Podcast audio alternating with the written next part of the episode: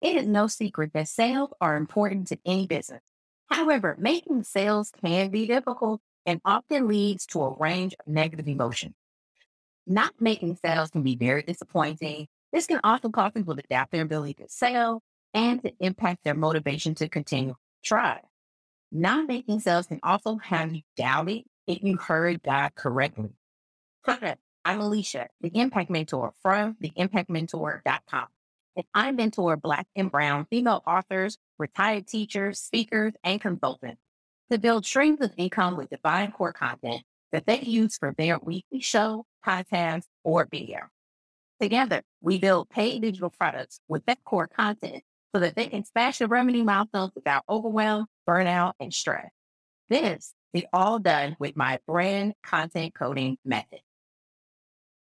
So let me ask you, are you currently hitting your sales goal? Are you bringing in the revenue that you want? Are you bringing in any revenue at all? Are you experiencing a low period in your business? The disappointment of not making sales often leads to a variety of negative emotions, such as anger, sadness, and even self doubt. However, the key to success is to focus on building relationships and providing value to your potential customer. I know we've all heard this before, but we're definitely going to dive in deeper. Always remember that people buy from people. In today's episode, we're going to talk about what could be the problem with your sale, what is the solution, the importance of focusing on building relationships, and how to provide value to potential customers. Ready? Let's get started. So let's Hey there, you're listening to Position to Impact podcast with your host, me, Alicia Ford, the Impact Mentor. If you're looking to grow or scale your business with digital products, then stop right there. This is a show for you. Each week, I'm talking about everything from sales and marketing tactics to how to build and sell digital products with funnels. We also talk about how to stop creating unnecessary content that falls flat and start creating supernatural content that calls your core brand ride or die. We also have interviews with entrepreneurs who share their tips and tricks for success. So whether you're just starting out or you've been in the game for a while, a Position to Impact podcast has something for you. Let's get started in three, two, one.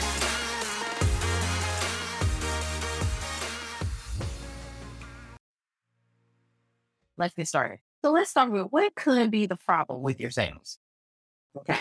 So if you don't know, I am mostly a content strategist. There's a lot of different things that I do within that realm. So I focus on digital products and building digital products for customers and clients.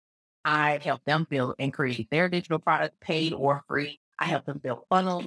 I help them with their marketing. I help them with their content, right? And when I say content, I don't just mean, you know, what you put out on social media. Whether you have a podcast, whether you do a weekly show, whether you write a blog, whatever, there is a strategy behind it. Okay. So I have a lot of clients that are mm-hmm. more intuitive based. So for those clients, I help them bring structure around their intuitiveness. Right. And for those of my clients who are more structured based, I try to help them be a little bit more intuitive with what they're doing. Okay. So everything is about being strategic, what you're doing. A lot of times, not what you're doing, it's how you're doing it. Okay. And when it comes to making sale, there are pieces that people are just leaving and forgetting about. And we're going to get into what that is. So let me tell you what the primary reason why people come to me. They have a journal, they have a book, they have a workbook, they have a course, they have a coaching program, a group coaching program. They do done for you services, which is blog writing, funnel building, social media management, graphic creation, etc. But the problem is no one's buying or they're not buying consistently. So why? Why aren't they buying? The problem is no one is buying. Why? Because they don't know who actually want and need it. Why? Because they don't have a relationship with anybody who may potentially want what they have to offer. So if you have a journal or a book or a workbook or coaching program, can you actually name five people right now that's in your audience, on your email list, on your text messaging list who follow you on social media that potentially have expressed interest in your journal, book, workbook, course, coaching program, or done for you services. Why? It's probably because you haven't taken the time to build the connection and develop the relationships. Why haven't you done that? Because you probably have not built an audience of people who are willing to listen to you, read what you write, and talk back to you when you speak. It could be because the only thing that you're thinking about and the only thing that you're truly focused on is making money and paying your bills and taking care of your family and taking care of your, you know, your children and generally just selling your product. And I get it. As entrepreneurs, that's the name of the game. You're in it to make money, right? But I'm here to tell you that that's actually the real problem. You are thinking about you. And if you are thinking about you, your audience picks up on. Even if they don't directly feel it, there is something about you that's actually repelling them. There's something about you that is telling them, nah, I'm not quite sure about this one. Let me go look at somebody else who teaches the same thing or offers the same thing. Always remember that people buy for people. And if you don't care about what your audience is struggling with and help them, then why and how will they buy from you? So again, if you have a book, a workbook, a product of any sort, or a service of any sort that you are trying to sell, if you don't have an actual audience that is willing to listen to you, talk back to you, read what you write, open your emails, click your link, then it's not working. So, what is the solution?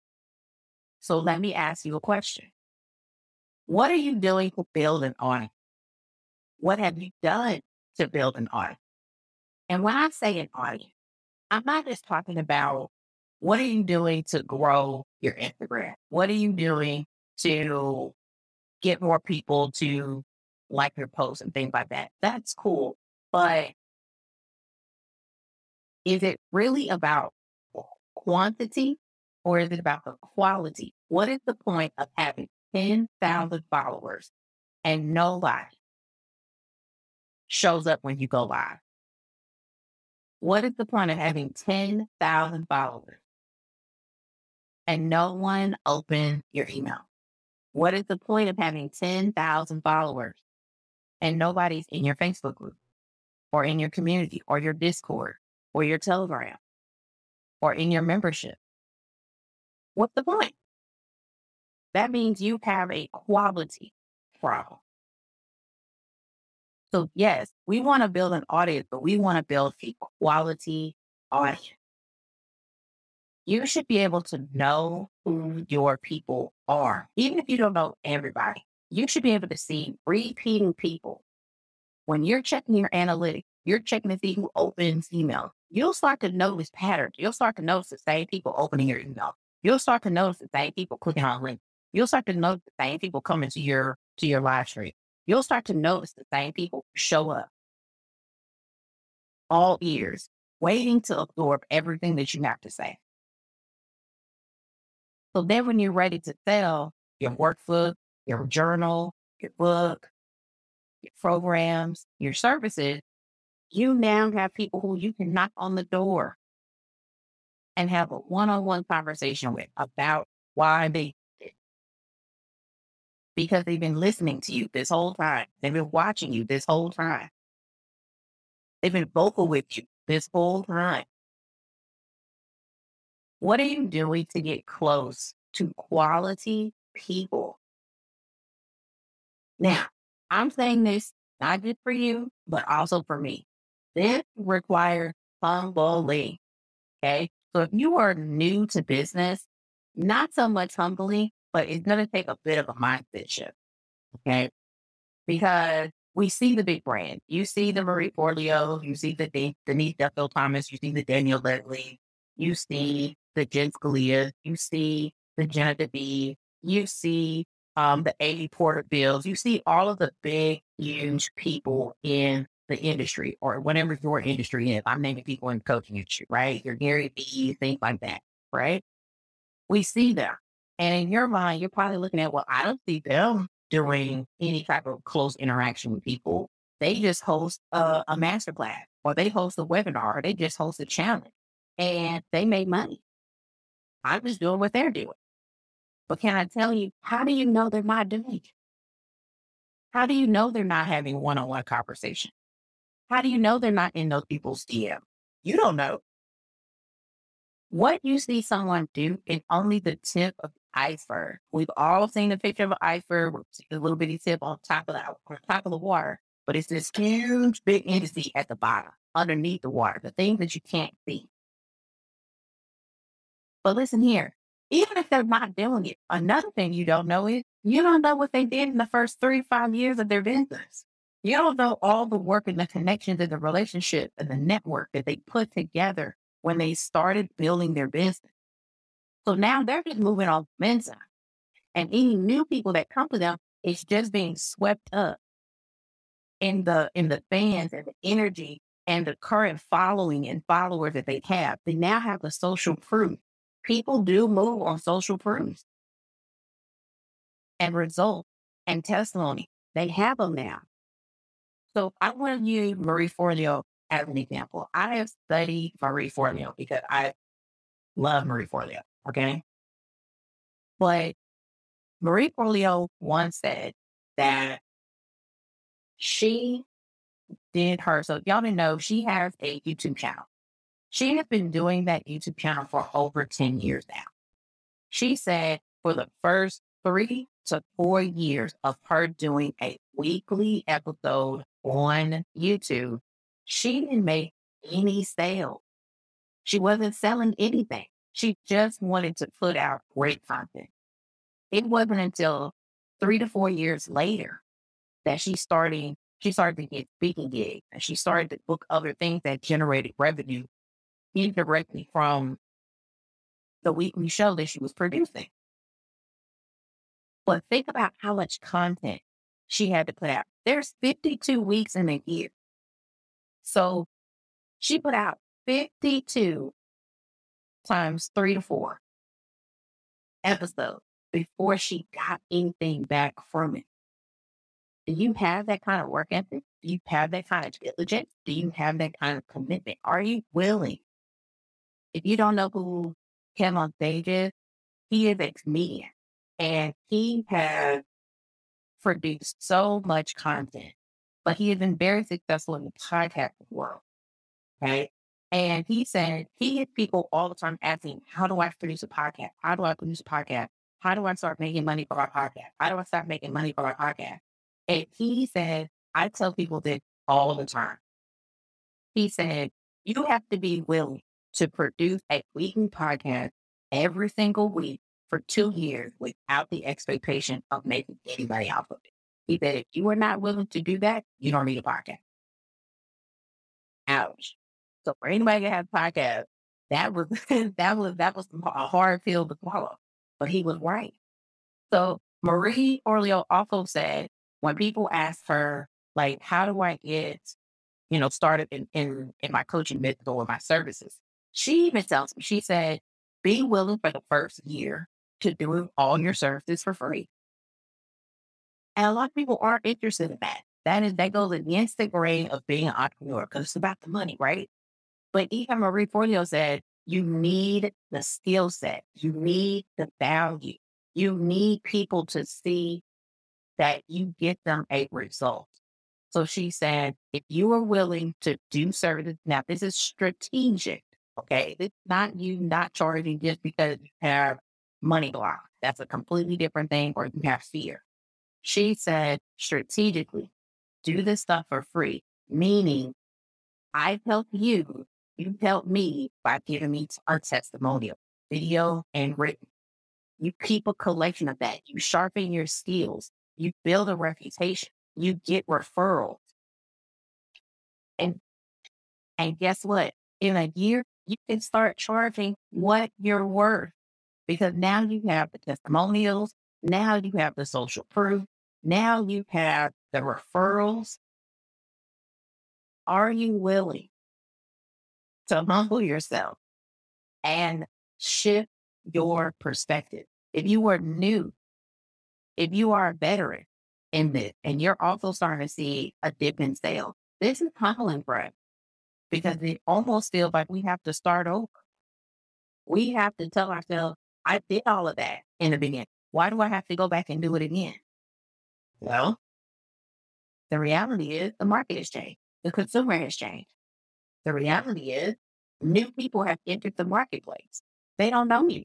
The reality is you have taken the people who have followed you for the last three, four, five, six, eight, ten years as far as they can go. But remember, there's new people behind them. There's always a freshman class.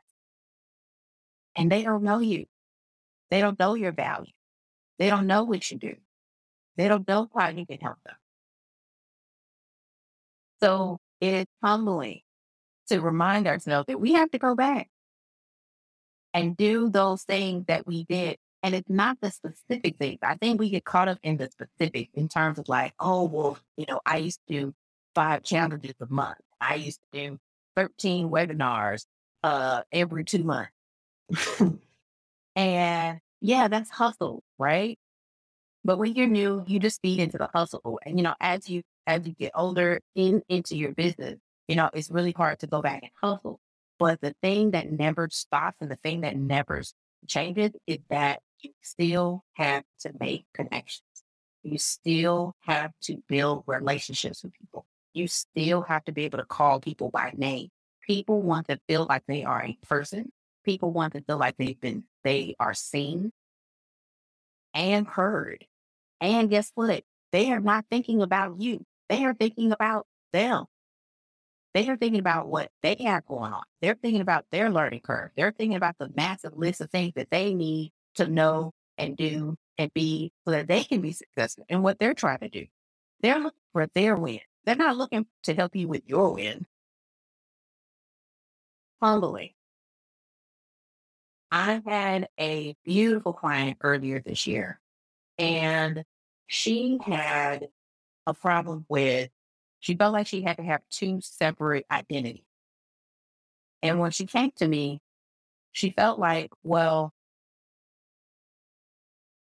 this particular avatar over here, I attract more younger girls, like high school girls, things like that, because of the character that I have created. And so it attracts a lot of younger girls who want to listen to me because that's what I created. But then on the other side, I have these programs, these books, these courses that are written for, you know, more mature ladies.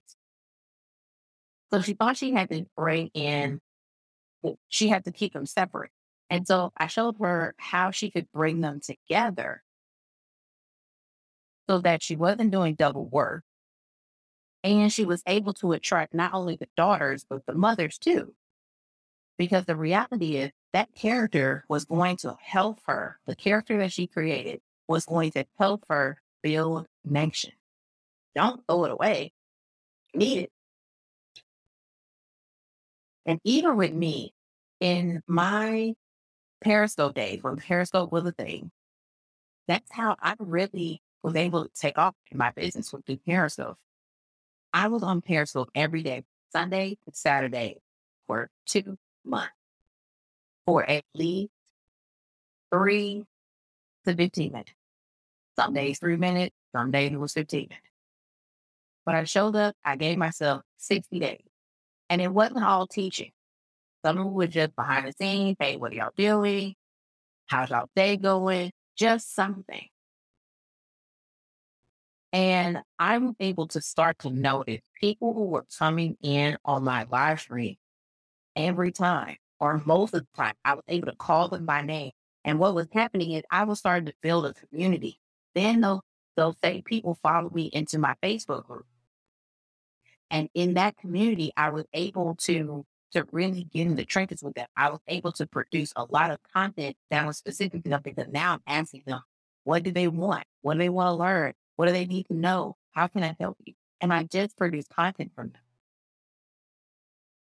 Now, of course, I did ask for the sale, but this is about building relationships. Gotta get in the trench. If you're not willing to get into the trenches, entrepreneurship is not for you. Owning a business, is not for you. Humbly. So we're going to stop right there. I hope you enjoyed part one of this particular episode. We're going to continue next week with part two. So, if you find that you are struggling with sales, it might have something to do with your content. As you recall, we talked about why you need connections, why you need to build relationships, and you do that with your content. So if you're struggling to make content that attracts and engages and makes connections with your audience, I encourage you to join the Divine Content Crew. Inside, you're going to develop content that is on brand, on message, and drive results. You can join the waitlist, but once it opens, you'll be able to join for only $1.97 a month. Click the link in the show notes. Also, ready to get started with digital products? Ready to have passive income? You can download my free guide, Nine Steps to Creating and Selling Digital Products. Link is also in the show notes. See you next week. Right. So now we're going to talk about the importance of focusing on building relationships. So I think the best person that talks about this, honestly, is Gary Vee. If you don't know who Gary Vee is, look him up. But Gary Vee talks about that all the time. He talks about people, people, people. You cannot do business without people. You cannot sell anything without people. And he talked about you need to be willing to give first before you take. And a lot of our we get so caught up in I want to make 10K month. I want to make 5K month. I want to send my child to college. I want to do that. I, I, I, I, I. That your job is to solve problems for them, for people. Solve problem. And I know I sound like I'm preaching, but because I'm talking to myself too. a whole eight years into my business, and I'm talking to myself. Okay, because we have all been where we're not making sales. I have been studying the whole nine where we have gone month one, month two, month three, zero revenue. It happens to all of us. And I know a lot of people don't talk about it because everybody wants to talk about the highlight. Everybody wants to talk about how they how how they figured it out, how they mastered and overcome. But if you were anything like me, I don't want to hear your highlight story. It never talk about when you were down and out. I love a good comeback story. Love it. But I also, that's how I relate to my coaches. Anybody that I have hired as a coach or mentor, it is because I know their their story.